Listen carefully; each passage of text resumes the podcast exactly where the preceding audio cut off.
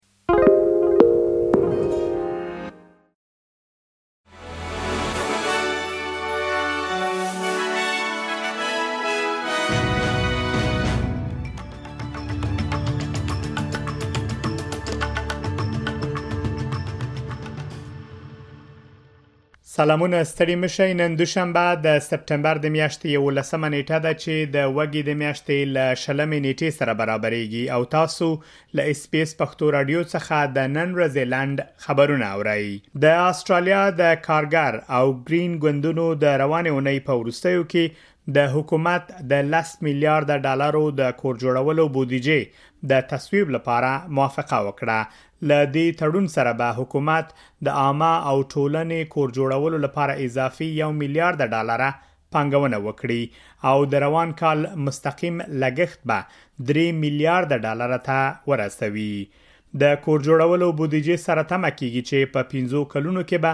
دېرش زره ټولنیز او ارزانه کورونه تولید شي. د ګرین ګوند مشر اډم بانډټ وايي چې ګوند یې د ارزانه کورونو خوندي کولو په برخه کې یو څه پرمختګ کړی دی. مراکش کې په شپږو لسیزو کې له تر ټولو خونړۍ زلزلې وروسته په زرګونو خلکو درېیمه شپه د مراکش په سړکونو کې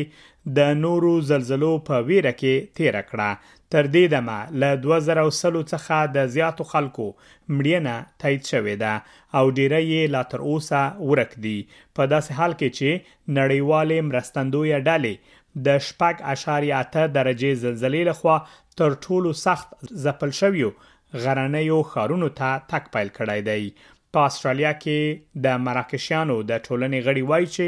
دوی د خپلو خپلوانو په اړه ژوره اندېښنه لري ځکه چې ډیری یې بې کوره شوي دي د لیبرال ګوند غړی بنچیر جیمز پیټرسن د پارلمان د ودانۍ د کارمندانو د امنیت ارزونې ډیرولو غوښتنه کوي دغه غوښتنه ورسته له هغه کېږي چې په انګلستان کې د پارلمان د یو غړي چیړونکي په دې تورن شوی چې چین ته یې کار کاوه او حکومت ته یې معلومات ورکول. د انګلستان لومړي وزیر ریشي سوناک د جي شل سرمشریزه په څنډه کې د چین لومړي وزیر ته د چین د لاسوهنې په اړه خپلې د پام وړ اندېښنې څرګندې کړې دي. د اسټرالیا لومړی وزیر انتوني البنیزي د سویل ختیځې اسیا هېوادونو په ټولنه او د نړۍ د شل سترو اقتصادي هیوادونو په سرمشریزه کې له ګډون وروسته اسټرالیا ته راستون شو چیرته چې هغه د دوه زره او څلوېښت کال لپاره د سویل ختیځې اسیا د اقتصادي ستراتیژي اعلان وکړ په اقتصادي ستراتیژۍ کې پنځه اویا وړاندیزونه شوي چې موخه یې د اسټرالیا او سویل ختیځې اسیا ترمنځ سوداګرۍ او پانګونې ته وده ورکول دي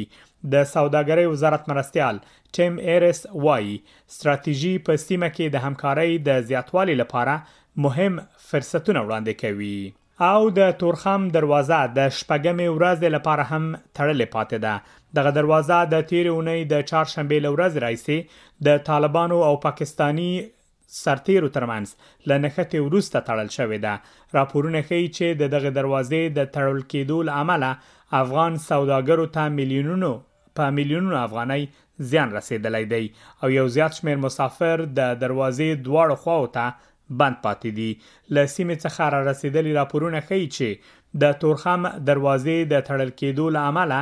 یو شمیر مړه شوي افغانان په پاکستان کې خاورو ته سپارل شوي دي. دا وه د نن ورځې لنډ خبرونه چې ما مجیب منیب تاسو ته وړاندې کړل.